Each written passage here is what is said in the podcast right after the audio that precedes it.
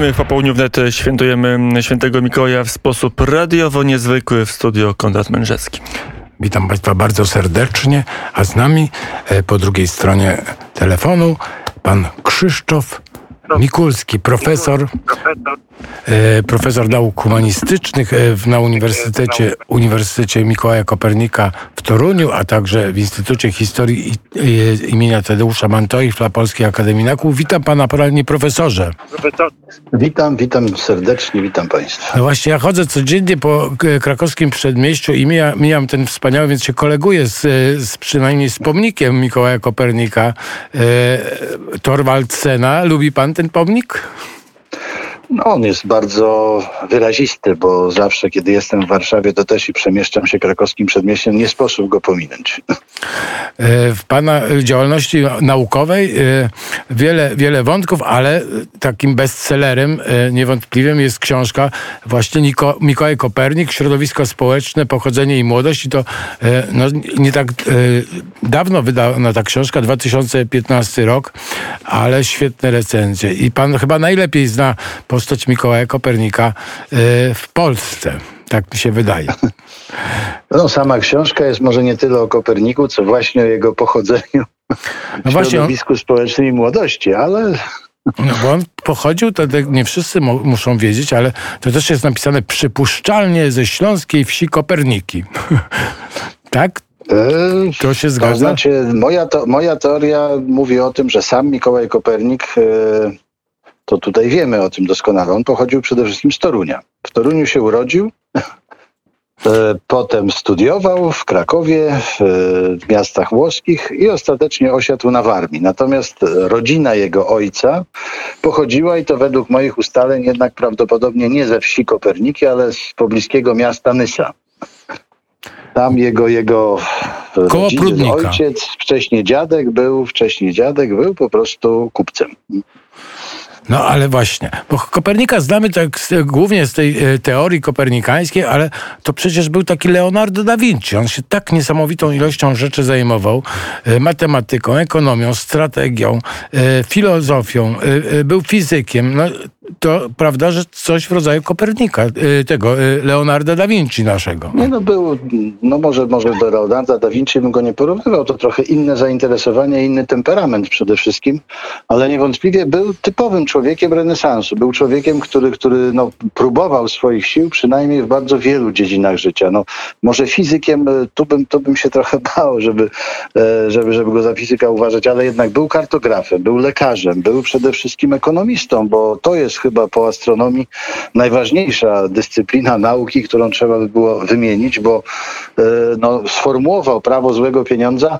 Może nie był jego autorem, bo ono już w starożytności był znany, więc nie był pierwszy, ale niewątpliwie powtórzył je po bardzo długim czasie jako pierwszy i bardzo wyraziście wskazując na realną funkcję pieniądza w społeczeństwie. Bo to w tamtych czasach nie było też takiego, takiego przywiązania do tych e, e, praw, że tak powiem, autorskich, prawda? To było, troszeczkę się czerpało inaczej i, i nie było takiego e, e, przywiązania do tego, że to ja i że nie wolno korzystać. Korzystano raczej, e, e, jak się wydaje, w sposób taki bardziej swobodny i pro publico bono. No gdybyśmy to porównali do dzisiejszej pracy naukowej, to na pewno ówcześni uczeni nie robili przypisów i nie, nie oddawali dokładnie tego, skąd czerpią swoją wiedzę i dlaczego. Ale czerpali ją. Czerpali ją przede wszystkim od starożytnych, rozczytywali się w tych pismach i niewątpliwie z ich prac można wyczytać nawet, a wręcz można, można spróbować ustalić, z którego starożytnego mędrca, filozofa y, korzystali. No właśnie, bo ten, e, bo ten system e, w starożytnej Grecji, o- oni już mieli przeczucie, prawda? Takiego, że, że to jednak jest e, nie tak, że Ziemia jest środkiem świata. Tak, przeczucie mieli, ale to było tylko przeczucie. Odkrycie Kopernika różni się od tamtych odczuć tym, że Kopernik starał się to matematycznie udowodnić.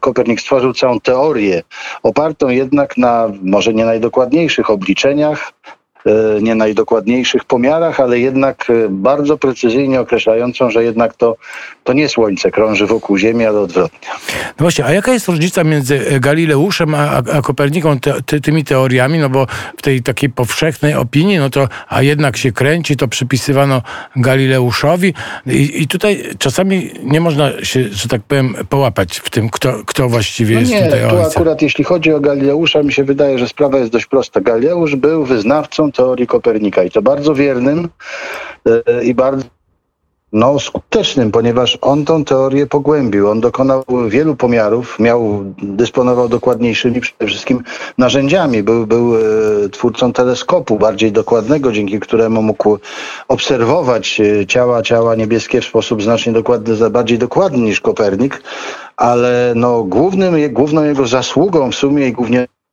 powodem jego, jego późniejszych kłopotów przede wszystkim było wyraźne opowiedzenie się za teorią Kopernika, za no, której- kazano mu się nawet publicznie wyrzec. Znaczy, no, według nauki nie tyle, że kazano mu się wyrzec tej teorii Kopernika, ale kazano mu e, stwierdzić, że jest to jedynie teoria, a nie pewnik. E, Bo, bo jeżeli pewnik, to, to nieprawda. I tutaj właśnie to dzięki Galileuszowi dzieło Kopernika trafiło na indeks ksiąg zakazanych. Może nie jest to fałsz, ale na końca na pewno nie jest to prawda. No, Ale on może, się- może to być teoria, ale na pewno nie, nie pewnik. Ale on się powoływał na Kopernika, tak? Mówił, Ależ to- oczywiście tak, cały czas. No jak wyraźnie. mówię, Galileusz był jednym z pierwszych i najważniejszych, bardzo ważnych piewców, wręcz propagadorów teorii Kopernika. No właśnie, nie- no, ja, ja akurat nie, nie wszystko wiem na ten temat, dlatego się dopytuję. Tym bardziej, że e, jeżeli chodzi o Kopernika, to jemu to nie przeszkodziło w karierze e, tak specjalnie. On cały czas e, jakby świetnie się, że tak powiem, znajdował e, i to w, hierarchiach e, kościelnych. No, to znaczy, to w tych hierarchiach kościelnych, no powiedzmy sobie, że Kopernik korzystał z tego płaszcza, jakim była kariera formalna, przynajmniej kariera kościelna, ale jak przynajmniej twierdzi większość e, badaczy, biografów Kopernika, on nie miał pełnych święceń kapłańskich, bo nie były one jeszcze wówczas wymagane, żeby taką funkcję kanonika kapituły e, pełnić. Co więcej, żadnych poważniejszych zaszczytów, jeśli chodzi o tą kapitułę, a więc na przykład do jakiejkolwiek godności prałackiej, nie dostąpił, być może właśnie dlatego, że nie był księdzem, bo miał jedynie niższe święcenia kapłańskie. E, Natomiast dlaczego go nie prześladowano? No cóż, no on bardzo długo zwlekał jednak z ogłoszeniem swojej teorii i ogłosił, czy, czy ona stała się właściwie znana już powszechnie, chociaż wcześniej też była znana, ale nie aż tak. Dzieło swoje główne jednak opublikował w momencie właściwie śmierci. Nie wiemy do dzisiaj, czy, czy zdołał jeszcze obejrzeć De Revolutionis przed śmiercią, a nawet jeśli zdołał, jeśli ją dowieziono, to czy był świadomy tego, bo no, był w tym momencie sparaliżowany i, e, i mocno cierpiący, także, także trudno powiedzieć w jakim sensie mógł, mógł odbierać to, co mu przywieziono z Norymbergi. Jeżeli jeszcze tego doszło. A ja chciałbym się zapytać jeszcze, co wiadomo o jego życiu uczuciowym, Yy, bo skoro nie był, że tak powiem, księdzem w pełnym tego słowa znaczeniu, no to może yy, yy, takie ciekawe jakieś historie na temat jego, że tak, miłości, może inspiracji, mus no jakiś. pan, tutaj znowu pana zawiodę, bo oczywiście, że o życiu Kopernika, o, o takim do, o, uczuciach Kopernika i jego życiu seksualnym bardzo dużo wiadomo, nawet wydaje mi się, że więcej, aniżeli rzeczywiście on w życiu doświadczył. E, No, główny, głównym powodem tego jest e, przypisywany mu roman, romans z niejaką Anną Schilling, który, którego miał doświadczyć jako już e, 60 kilkuletni młodzieniec. E, Ta Anna pod koniec jego życia, dokładnie w 1537 roku, miała pojawić się, pojawiła się na pewno, nie, to nie ulega wątpliwości, we, we Fromborku i miała stać się właśnie ową spóźnioną miłością, jak to e, w życiu Kopernika, jak to opisywał e, Jerzy Sikorski w swoim, swoim, swojej książce o prywatnym życiu Kopernika. No, moim zdaniem to jednak niekoniecznie musiało być tak. Owa Anna Schilling była daleką kuzynką Mikołaja Kopernika. Z tym kuzynostwem Kopernik utrzymywał wcześniej kontakty, odwiedzał ich w Gdańsku. Ona była gdańszczanką, raczej bogatą gdańszczanką, którą stać było nawet, że po e, no, konieczności opuszczenia kurii Kopernika stać ją było, żeby kupić sobie dom we Fromborku i ona raczej przyjechała do tego Fromborka moim zdaniem, ażeby zaopiekować się schorowanym już astronomem, aniżeli żeby dzielić z nim łoże. No może taka miłość agapy to może była taka po, prostu e, czysta miłość. E, E, No, ja, ja, ja w swoim tekście stwierdziłem tylko, że najprawdopodobniej przy tym podstawową, po- powiedzmy sobie, podstawowym elementem, które ich łączyła, to było pokrewieństwo, a o wszystkich innych elementach możemy jedynie domniemać. Możemy domniemać. Dwa razy był na studiach we Włoszech, to, to a propos tego, tej, tej, tej, tej osi, nie e, wschód-zachód, tylko północ-południe, no bo tam i studiowało bardzo wiele osób i, i, i w Padwie między innymi studiował e, Jan Kochanowski. E, jak, jaki wpływ miały te studia włoskie, ten, ten pobyt we Włoszech e, na, na rozwój Kopernika? E, o, takie pytanie. Nie no, dzisiaj, dzisiaj nie wiemy do końca, gdzie Kopernik po raz pierwszy zetknął się z astrologią, bo pamiętajmy o tym, że zainteresowania astronomiczne wynikały z astrologii, bo ta astrologia wówczas była królową właściwie nieba i to, to teksty astrologiczne na przykład Kopernik posiadał w swojej bibliotece, niewątpliwie z nich korzystał, być może już nawet zetknął się z nimi w Toruniu. Natomiast no, Włochy musiały wywrzeć na niego wpływ y, niesłychany, bo tam przede wszystkim zetknął się z całą, z całą plejadą humanistów, uczonych włoskich, którzy niewątpliwie wywarli wpływ na jego poglądy i na ostateczne ukształtowanie się owej teorii heliocentrycznej. I był E. Znane są, są, znane są jego kontakty z e, no, profesorem astronomii Nowarą, E, więc no, no, nie możemy przesądzić tego oczywiście, gdzie zetknął się tam po raz pierwszy, ale na pewno we Włoszech prowadził już ożywioną działalność e, badawczą, tak to nazwijmy, a więc obserwował niebo, spisywał już swoje, swoje pierwsze e, na ten temat spostrzeżenia i niewątpliwie tam też chyba powstał przy zarys jego, jego teorii heliocentrycznej. No i, i to świetna i znajomość języków, bo e, w Padwie tłumaczył, e, tłumaczył z greckiego na łacinę e, wiersze nawet e, pewnego poety e, Teofilakta. Tak, Teofilakta Symokatty. To, to właśnie dowodzi tej to, to, wspaniałej tej znajomości. Tłumaczył trochę później, ale niewątpliwie no, greki i łaciny nauczył się w szkole najpierw, a później pogłębiał tą znajomość niewątpliwie na studiach. A doktorat z prawa kanonicznego e, e, to napisał w jakim języku na Uniwersytecie w Ferrarze? E, to nie był doktorat z prawa kanonicznego, tylko niestety z prawa rzymskiego. A tak jest napisane w źródłach, to ja tylko na, ten, na, na, na, na swoją obronę, tak jest Ja napisane. już teraz. e, Tak, tak, nie no, przepraszam. To e, w, każdym razie nie obronił doktoratu obojga praw, co było no wtedy naj, najczęstsze, a doktorat obronił w Ferrarze.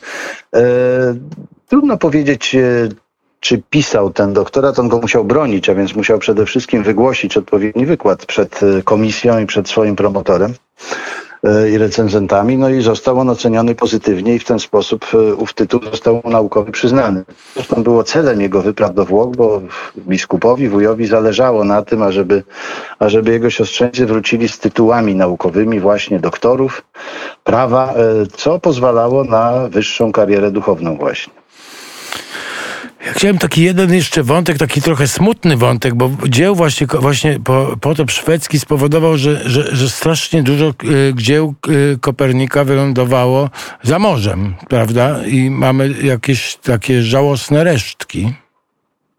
Znaczy wie pan, no, czy żałosne resztki, no dzięki temu, że Szwedzi zrabowali e, Fromborg, katedrę fromborską i bibliotekę ówczesnej kapituły, to można powiedzieć, że te książki, ta biblioteka Kopernika, w- no w tej części, którą, którą przewieziono do Szwecji, to była znaczna część, e, zachowała się do dnia dzisiejszego, bo szczęśliwie e, Upsali już nikt nie atakował. Natomiast gdyby te Gdyby te zbiory pozostały w Morku, to trudno powiedzieć, czy do dzisiaj by dotrwały. Także, także no, w tym szaleństwie jest metoda. Dzięki, dzięki może temu zaborowi znamy te dzieła i możemy je do dzisiaj No właśnie, bo tu jest napisane e, w źródłach, że 39 e, e, tomów z 46 tomów kopernikańskich z notatkami astronoma znajduje się w Bibliotece Uniwersytetu w Uppsali. Dwa w Obserwatorium Astronomicznym w Uppsali, no to nam nic nie zostało prawie, że. Dlatego tak. No, no mamy, mamy dwa autografy Kopernika, na przykład z księgi z wpisami Kopernika w Muzeum y, w Armii Mazur w Olsztynie. No, pewnie gdzieś jeszcze by się znalazł. W Krakowie chyba jeszcze coś jest. Y, Tu, tu powiem szczerze, jeśli chodzi o y, tą spuściznę y, pokopernikańską, nie jestem do końca zorientowany, wiem, wiem i niewiele. A czytał pan... Ale, nie tylko w Uppsali, też, też z, kilka przynajmniej no, książek, które znajdowały się w jego, w jego rękach i w których są jego, jego notatki, są jeszcze gdzieś rozsiane. I pan oczywiście miał w rękach te, te, te książki z jego odręcznym pismem. Nie, obserwowałem je tylko w, w wersji elektronicznej. A, czyli nie wybrał się pan profesor do Uppsali. Ale... Ja jeszcze nie byłem. Nie, a, a proszę mi powiedzieć, bo jeszcze y, już troszkę jest taki, taki lżejszy temat, bo e, o, w 1629 roku opublikowano e, poemat e, Mikołaja Kopernika Septem Sidera. Czy on jest dostępny? Czy pan profesor go czytał? No, Mm, Więc no, muszę pana zmartwić, że niestety historycy literatury, e, a przede wszystkim latyniści, e, wyraźnie już dowiedli, przekonali również mnie, że to jednak nie był wiersz autorstwa Kopernika. On był z, z Kopernikiem e, wiązany, ale, ale mam tutaj, tutaj no, raczej pewność. Fachowcy stwierdzili, że nie. To nie Czyli to muszą fachowcy też poprawić na stronach na przykład Na e, pewno, na Wikipedii, pewno. bo jest wyraźnie napisane, że O, Jan wie pan, Brożek... No widzi pan, to jest po raz, po raz kolejny to, to fakt, że Wikipedii nie do końca można ufać. No tak, ale wszędzie no nie można dotrzeć. E, no i tam troszkę ufamy, a taka wiadomość bardzo mnie się, mi się spodobała osobiście, że, e, że napisał Kopernik e, No Septem tu, no tu, muszę, tu muszę pana zawieść. No niestety i słuchaczy, no nie był poetą chyba jednak. Tłumaczem był. Tłumaczem był, rzeczywiście to Filakta Symokatę tłumaczył, a więc no można powiedzieć, że jak, jak, jakąś, jakąś wiedzę, jak, jak, jakąś wiedzę o, o rymowaniu miał, no bo musiał jednak, to, to były utwory rymowane, więc wiersz, wierszowane przynajmniej, a więc, a więc tak, ale jednak tego, tego utworu Septem nie, to nie.